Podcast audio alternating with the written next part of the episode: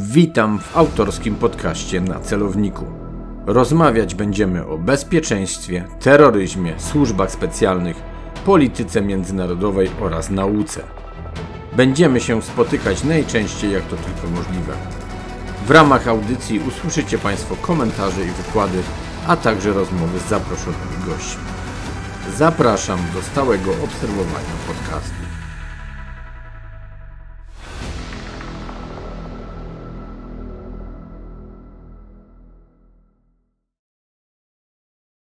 Przy mikrofonie Artur Dubiel, Wyższa Szkoła Bankowa. Dzisiaj gościem podcastu na celowniku jest nasz stały współpracownik, dr Stanisław Niewiński. Witam Stanisławie. Cześć Arturze, dzień dobry Państwu.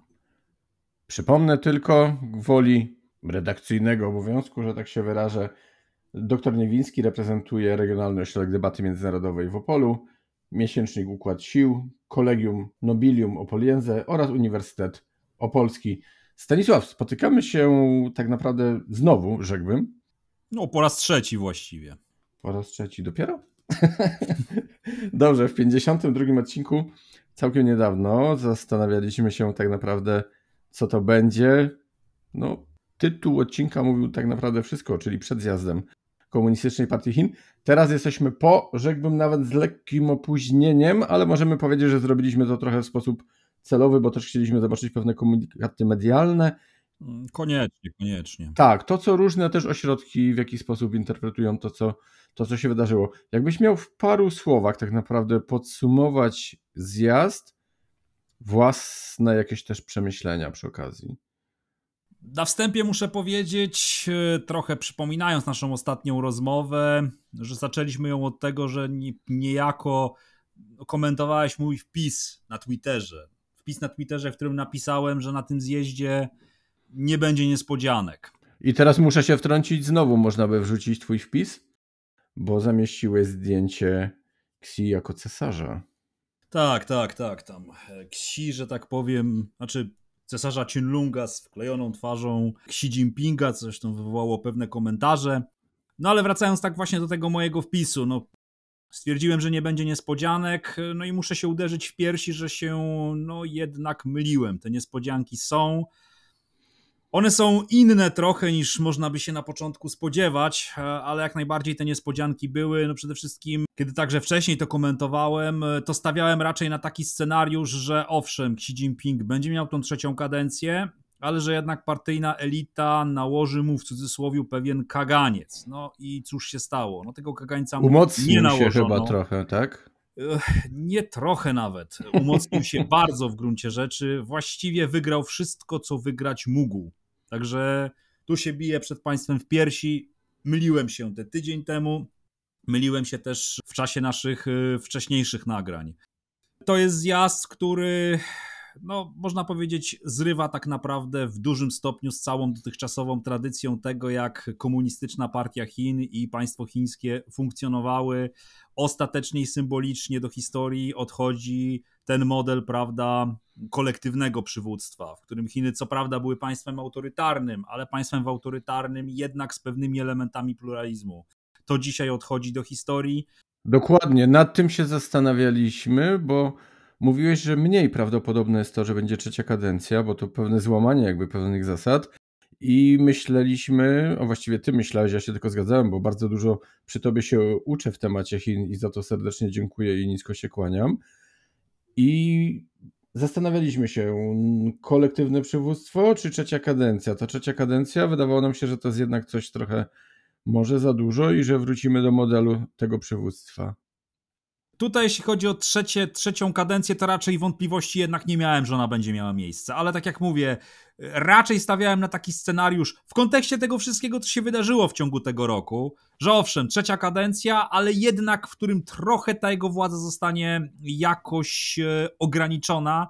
Tak się zupełnie nie stało, ponieważ, drodzy Państwo, jak sobie spojrzymy na skład stałego komitetu e, Biura Politycznego KCKPH, czyli tego no, grona najwyższej elity tak naprawdę w Chinach, od, które, od którego najwięcej zależy, jeśli mówimy prawda, o, konkre- o kreowaniu polityki, no to w ramach tego, w ramach tegoż y, stałego komitetu, kogo my tam mamy poza Xi Jinpingiem? Mamy Li Qienga, Zhao Leiji, Wang Huninga, Cai Chi, Ding Xuexianga oraz Li Xi. Zdaniem analityków cała ta szóstka, pomijając oczywiście Xi Jinpinga, są to ludzie, którzy są jego stronnikami, tak, zawdzięczają mu karierę polityczną. To nie są ludzie, którzy będą mu się w kolejnych pięciu latach e, sprzeciwiać. Kolejna rzecz. Bardzo dużo miejsca poświęciliśmy zagadnieniu przyszłego premiera. No więc najprawdopodobniej tym premierem będzie Li Qiang, człowiek, który no także jest bliskim stronnikiem Xi Jinpinga i co jest szczególnie istotne, jest pewnym zerwaniem z tradycją. Do tej pory wymagano od premiera e, HRL dwóch rzeczy. Aby po pierwsze miał doświadczenie zarządzania e, lokalnego jakimś miastem, regionem i Li Qiang jak najbardziej takie doświadczenie ma, ponieważ kierował, był gubernatorem prowincji Zhejiang oraz kierował partią w Szanghaju, no między innymi jest współodpowiedzialny za ten niesławny, lockdown z tego roku. Ale co jest bardzo istotne, Li Qiang nie ma doświadczenia praktykowania polityki na szczeblu centralnym. Do tej pory premier, zanim został, osoba, która zostawała premierem, wcześniej powinna te kilka lat być, być wicepremierem. Li Qiang e, te, takiegoż nie, doświadczenia nie ma, co jest bardzo wyraźnym sygnałem, że to nie ma być osoba, która będzie jakąś potencjalną przeciwwagą dla przywódcy. To ma być po prostu wykonawca y, jego polityki. Także no, no ten skład, postać przyszłego premiera to jest całkowite zwycięstwo przewodniczącego Xi Jinpinga. Co chciał dostać, to dostał. Wspomniałeś o składzie i tak trochę już uciekając do przodu, na pewno będziemy rozmawiać o tak zwanej czerwonej terce, właściwie nie tak zwanej, tylko czerwonej terce, bo tak naprawdę o tym powiedziałeś i za parę chwil na pewno do tego wrócimy ale no, dość ciekawe wydarzenia miały miejsce na sali, bo media mówiły o tym, że pewnego jego mościa wprowadzano, można by powiedzieć, pod rękę i trochę na siłę. Podobna sytuacja miała też właśnie z wyprowadzeniem gościa, a chodzi tak naprawdę o poprzednika akcji, czyli Hu Jintao, byłego, jak to w mediach się mówi, prezydenta, a jak to często powtarzasz, powinno się mówić przewodniczącego HRL. No, Okoliczności były dość specyficzne, bo jak się okazuje, zanim wyprowadzono jego mościa, czyli Hu, no to dostał pewną czerwoną teczkę. I ponoć, tak przynajmniej mówią analizy całej tej sytuacji, która była nagrana, zobaczył tak naprawdę właśnie ten skład, najpewniej o którym wspominałeś, tak? I tam miał się znaleźć jego syn. I tego mhm. syna nie było. I z tego też powodu, pewnie aby się nie przeciwstawił i nie było pewnego głosu sprzeciwu, najnormalniej w świecie jego mościa wyprowadzono. Coś, co ma miejsce w takich wydarzeniach, czy, czy jesteś zaskoczony takim No to jest bardzo symboliczna tak naprawdę sytuacja, bardzo symboliczna, ponieważ, no co też było pewnym elementem e, tutaj, prawda, praktyki kolektywnego przywództwa. Wielkim szacunkiem darzano tą partyjną starszyznę, tak, tych byłych przywódców. Oni mieli, byli darzeni szacunkiem, mieli znaczący wpływ, prawda, na kreowanie e, polityki partyjnej, polityki państwowej, nawet gdy już nie sprawowali e, oficjalnych funkcji. No tutaj przypomnijmy, Deng Xiaoping no, odszedł właściwie od czynnej polityki na początku lat 90. XX wieku. Umarł w roku 97, ale przez te kilka lat on wywierał e, wpływ na to, jaką politykę prowadził ówczesny najwyższy przywódca Jiang Zemin.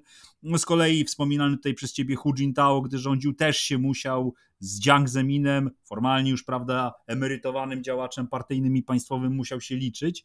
No a tutaj Xi Jinping całkowicie zrywa, prawda, z tą tradycją. To wyprowadzenie siłowe Hu Jintao jest bardzo symptomatyczne. Wcześniej coś takiego byłoby nie do pomyślenia, natomiast było to do pomyślenia mm, w ramach y, polityki Mao, prawda, co też jest bardzo symptomatyczne. A jakie były powody, dlaczego tak zrobiono? No tutaj tak naprawdę do końca tego nie wiemy. Są, można powiedzieć, dwa sposoby wytłumaczenia tej sytuacji. Y, pierwszy to jest taki, że y, Hu Jintao który, pamiętajmy też o tym, jest członkiem frakcji opozycyjnej w stosunku do, w stosunku do Xi Jinpinga, mógł chcieć jakoś zamanifestować ten swój krytyczny stosunek do jego obecnej polityki, y, tym bardziej, że były premier, znaczy jeszcze premier, odejdzie w marcu przyszłego roku. Li Keqiang jest właśnie jego protegowanym. Być może chciał jakoś, prawda, w tym ostatnim dniu zamanifestować to poparcie dla niego. To jest jedno wytłumaczenie. A drugie, które zresztą też się z tym do końca nie musi tłumaczyć, to jest też to, o czym, o czym ty mówisz.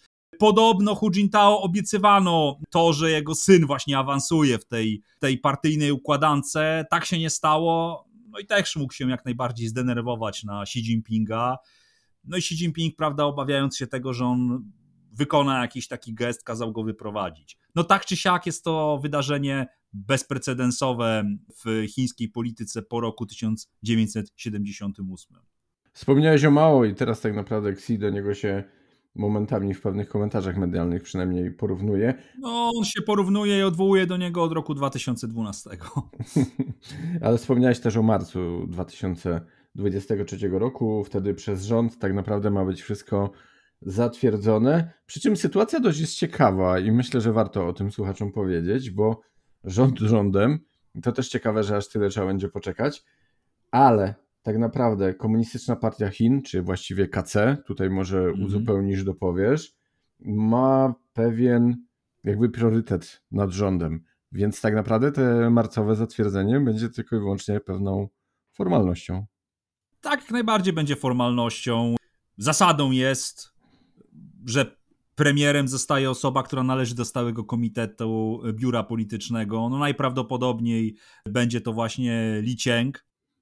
Także tutaj raczej jakichś niespodzianek nie będzie. No jak najbardziej Rada Państwa, czyli rząd HRL jest podporządkowany partii komunistycznej, choć warto tutaj pamiętać, że jednak w tych latach 78-2012 można mówić o tym, że Rada Państwa hmm, no nie powiem, że była niezależna od partii, bo nic w Chinach nie może być niezależne od partii, ale jednak jakąś taką częściową autonomię ona, ona uzyskała, tak? Była bardzo ważną instytucją. Ten premier właśnie odgrywał bardzo istotną rolę, ponieważ był osobą, no, może nierówną temu najwyższemu przywódcy, ale uzupełniał go w jakimś stopniu i najwyższy przywódca musiał się z nim liczyć. No to są takie postaci jak Juroni e, na przykład, który był premierem u schyłku Jiang Zemina, czy Wen Jiabao, który był e, premierem przy, przy, przy Hu Jintao, to były wyraziste postaci. No już Li Keqiang e, zaczął odstawać od tego grona, chociaż w ostatnich miesiącach swojego urzędowania zaczął wysyłać pewne krytyczne sygnały w stosunku do polityki Xi. No, Li Qiang raczej takich kroków nie będzie podejmował. To będzie wykonawca polityki. Stanisławie, mamy pewnego rodzaju, jakkolwiek to nie zabrzmi, kryzys atomowy. Bo troszeczkę teraz odbiegniemy od samego zjazdu, mhm. ale, ale nie do końca. Napisałem też swego czasu na Twitterze, że być może obecne pokolenie czy pokolenia mają swój właśnie kryzys kubański, tak? A tak. nie wiem, czy go nazwać kryzysem ukraińskim, bo to nie do końca trochę adekwatna nazwa, ale w ramach no, analo- analogii. powie nasi jakoś to nazwą. Tak, tak, no, najpewniej. Niemniej, pewnie bardzo wielu rzeczy tak naprawdę nie wiemy jako opinia publiczna. Wydaje się, że kryzys mógł być nawet bardziej poważny niż może nam się wydawać. Mówi się też o tym trochę między wierszami, że pod koniec de facto poprzedniego wieku też pewien kryzys był, o czym do końca nie wiemy i też było blisko pewnych nieciekawych sytuacji. Mhm. No bo jeżeli trochę do sytuacji wtrącają się chociażby Chiny, jeśli dobrze pamiętam, in, przepraszam, Indie oczywiście. Mhm. I jeśli indyjski zdaje się, że premier no, zaczyna trochę już machać palcem w stronę Putina i się trochę denerwuje. Podobnie wydaje się, że zaczynają robić Chiny. No ktoś się chyba zreflektował, że facet zaczyna być już, o ile można powiedzieć, zaczyna mm, delikatnie mówiąc lekko szalony.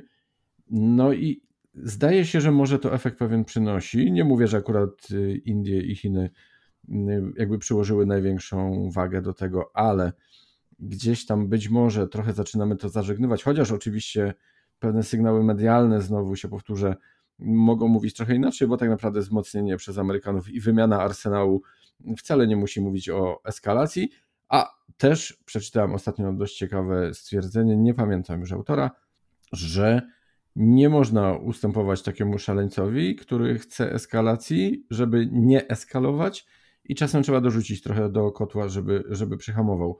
Ale o co mi chodzi?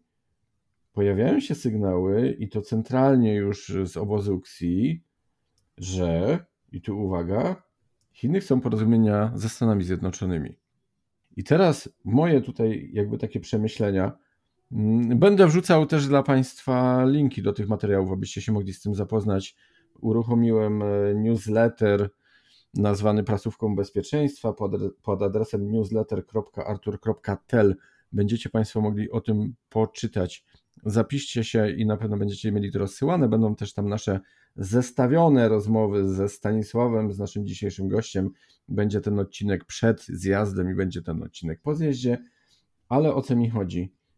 Chiny chcą, jak sami to nazywają, nowej ery w relacjach ze Stanami Zjednoczonymi.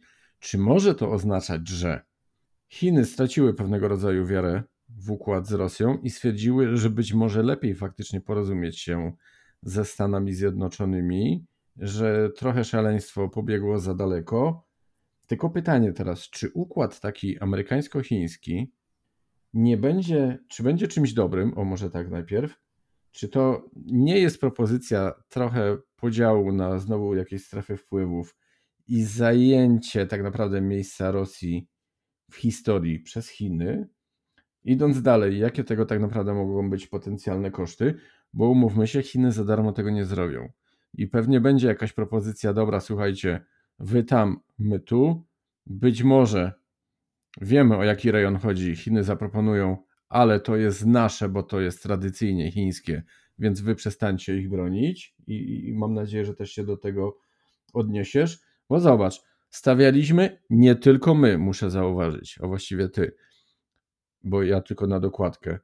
Ale mówiąc całkowicie poważnie, w komentarzach najróżniejszych też wielokrotnie czytałem, że Chiny idą w stronę totalitaryzmu i autorytaryzmu, tak? I o tym też mówiliśmy.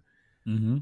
Teraz, jeżeli by doszło faktycznie do porozumienia chińsko-amerykańskiego, ten układ w pewien sposób mógłby się zmienić. I teraz, to, że nie trafiłeś z pewnymi prognozami, może tak naprawdę wynikać z tego, że w głowie Xi i jego obozu no, pewne przemyślenia miały miejsce i stwierdzili, dobra, słuchajcie, musimy zmienić trochę punkt widzenia i iść w inną stronę. Przecież też czytałem i mam nadzieję, że to znajdę i Państwu zamieszczę, tytuł był mniej więcej taki, że Chiny mają zaatakować Rosję. Przecież też mają, i o tym zresztą rozmawialiśmy, jeśli dobrze pamiętam, że mają pewne nieporozumienia co do mm, pewnych odcinków granic. I pytanie też kolejne, jakby do tej całej przydługawej już wypowiedzi mojej, czy ten atak ma być taki dosłowny, czy dalej Chiny po prostu najnormalniej w świecie będą, jak ja to mówię, podjadać tą Rosję i ta granica może i na papierze, na mapie zostanie dalej w tym samym miejscu, ale de facto fizycznie ona będzie społecznie, może o tak, nie fizycznie, społecznie będzie stała gdzieś indziej. Jak do całej tej sytuacji się odnosisz? Bo wyszliśmy w sumie od kryzysu atomowego i przez Indię i Chiny nagle się okazuje, że w sumie trochę oś pewnych układów no dość mocno może się zmienić. To zacznę może od tej kwestii atomu. No gdyby Rosja użyła w konflikcie z Ukrainą broni atomowej, no my oczywiście w tym kontekście na ogół mówimy o jakimś taktycznym ładunku, to dla Chin miałoby to bardzo negatywne konsekwencje, ponieważ doprowadziłoby to niemal na pewno do sytuacji, w której tak, Japonia chciałaby posiadać broń atomową, Korea Południowa, a może i Tajwan no gdyby te państwa dorobiły się broni atomowej, no to pozycja Chin w regionie osłabłaby, zdecydowanie by osłabła, no bo na razie to wygląda na takiej zasadzie, że oni broń atomową posiadają, a na przykład Japończycy czy Tajwańczycy nie. Także tutaj, e, jeśli Rosja na poważnie rozważała taki, e, taką koncepcję, aby tej broni użyć, to z pewnością na tym obszarze spotkała się z zdecydowanym sprzeciwem Chin, bo konsekwencje dla Chin byłyby bardzo tak naprawdę niewygodne. No a propos tutaj porozumienia ze Stanami Zjednoczonymi, to powiem tak, to jest zagadnienie bardzo tak naprawdę mm, enigmatyczne, ponieważ pamiętajmy o tym, że oba te państwa od roku 2018 znajdują się w stanie wojny handlowej. Co jakiś czas dochodzi do jakichś spotkań, do jakichś porozumień, no, które jednak e, jakoś specjalnie, powiedzmy, krajobrazu stosunków tych obu mocarstw, dodajmy bardzo napiętych, nie zmieniają. No mamy oczywiście tutaj w tle y, wojnę ukraińsko-rosyjską i niewątpliwie na tym konflikcie Chiny, to nie jest specjalną tajemnicą, coś dla siebie chcą, y, chcą ugrać.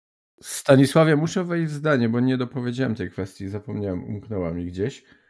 Chiny wystosowały, bym powiedział inaczej, zrobiły pierwszy krok i że są zainteresowane współpracą, a prezydent Biden, że tak powiem, tej ręki nie odrzucił Więc być może jedna i druga strona sobie przekalkulowała. Owszem, analizy na dzisiaj mówią, że Chiny by w konfrontacji takiej bardziej klasycznej niespecjalnie miały szansę.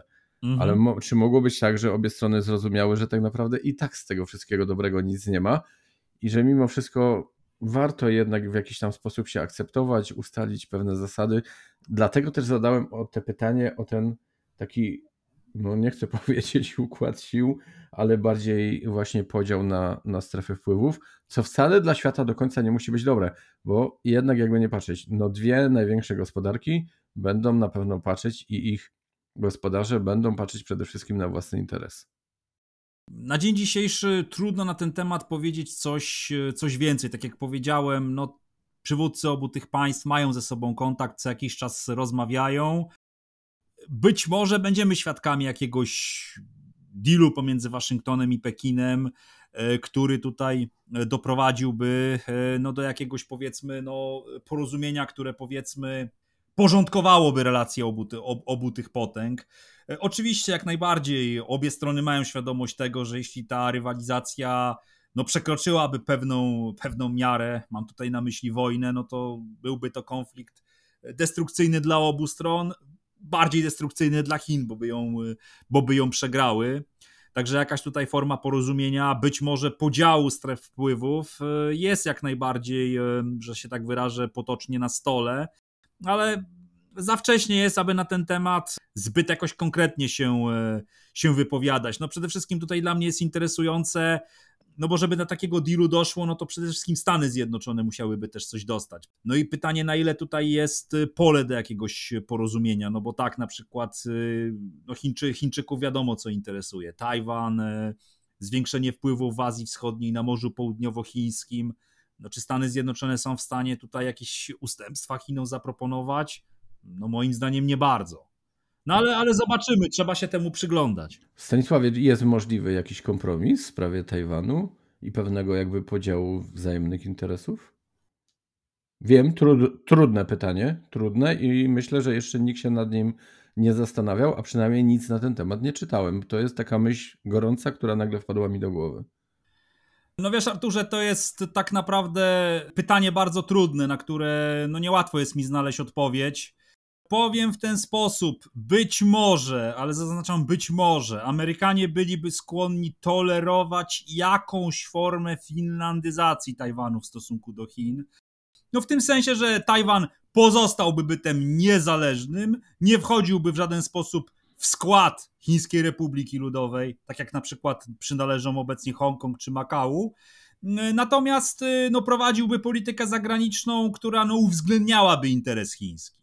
Może taki układ byłby dla Amerykanów do zaakceptowania, ale bardzo trudno mi na to pytanie odpowiedzieć. Tajwan jest niezwykle ważny dla Stanów Zjednoczonych z powodów geograficznych, z powodów ekonomicznych i tutaj no, ustępstwa amerykańskie no, mogą być tak naprawdę bardzo, bardzo niewielkie, ale zobaczymy, jak się ta sytuacja będzie rozwijać. No, zanosiło się też, że Amerykanie też mogą trochę zrewidować własne interesy, mm, więc faktycznie, tak jak niektórzy obserwatorzy mówią, no ciekawe czasy na pewno nas czekają, a te chińskie przekleństwo chyba już jakiś czas temu się zmieniło. Stanisławie, jakie jeszcze masz tak naprawdę przemyślenia po zjeździe? No, jeśli chodzi o politykę chińską, wewnętrzną, zewnętrzną, no to z pewnością będziemy, będziemy świadkami tego, co było, tylko że bardziej. No przede wszystkim Xi Jinping e, z pewnością dalej będzie budował w Chinach państwo o charakterze bardziej autorytarnym, no może już pod pewnymi względami wręcz nawet e, totalitarne.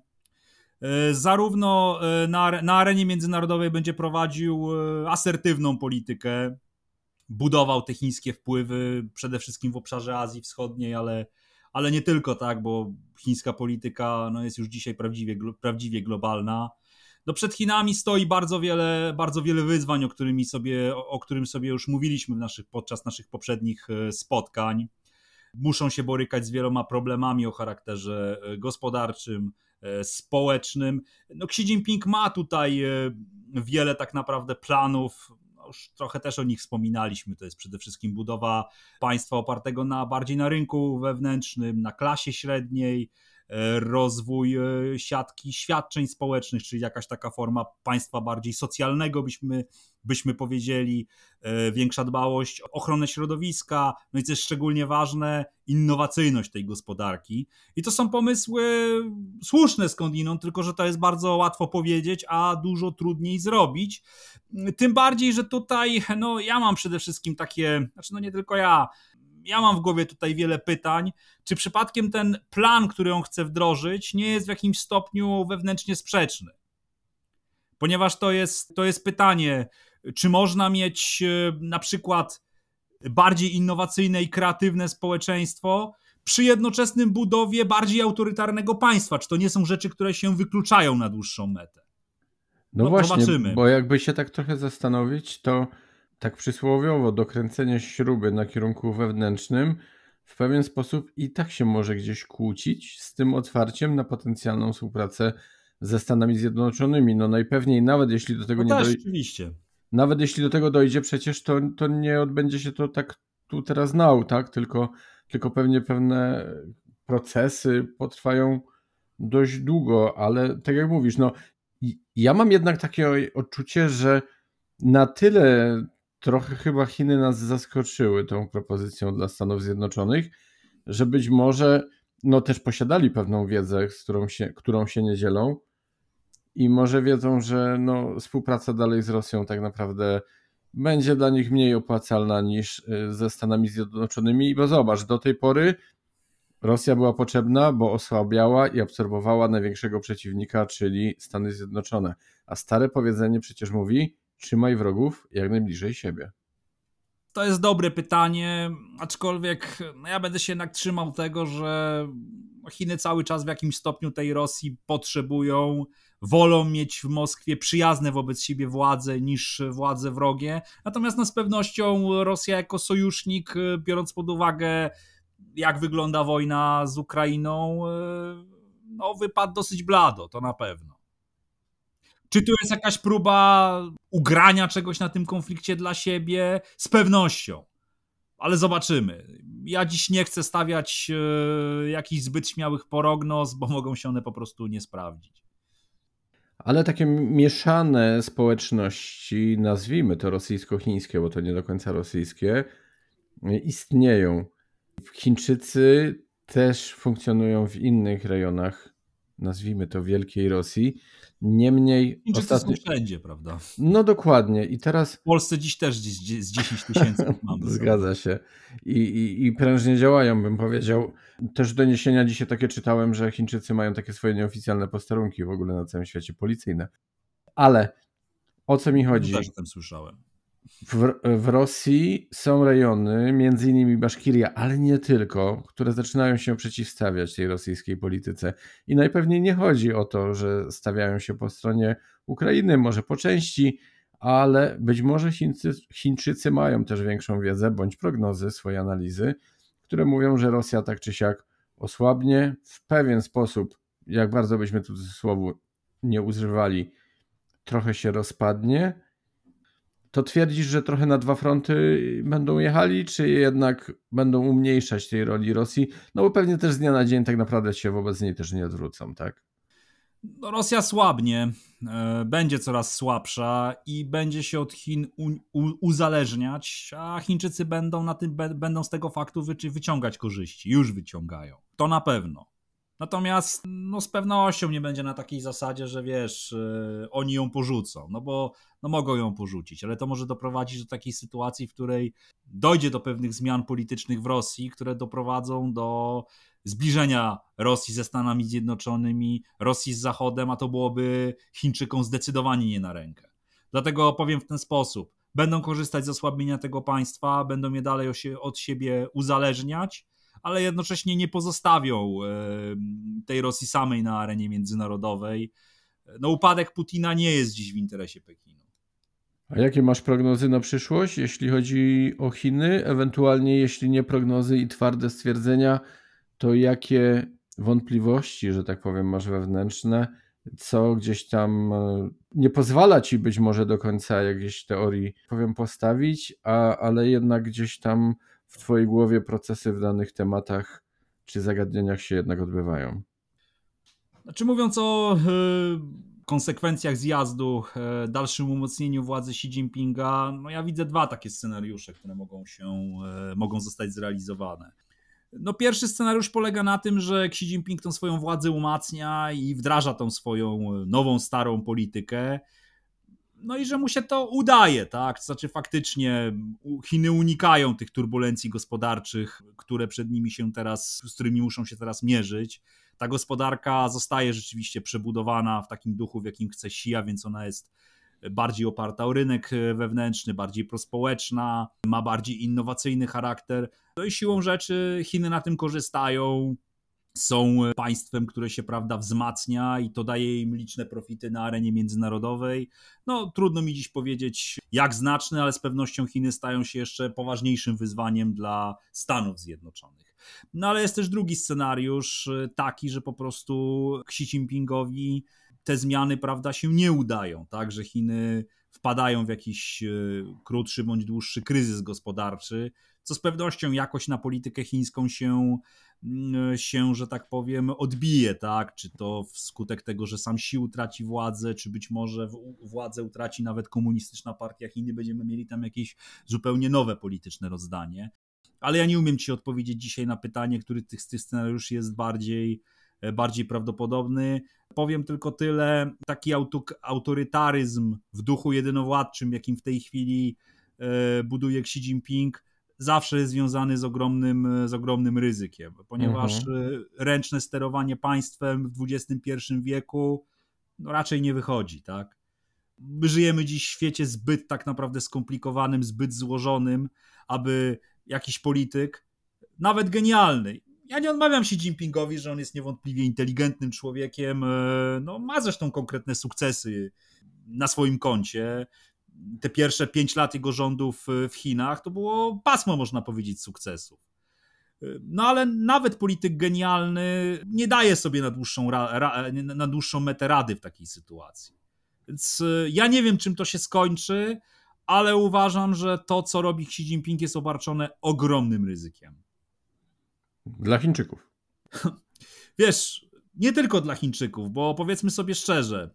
Ja powiem tak, y, my możemy HRL nie lubić.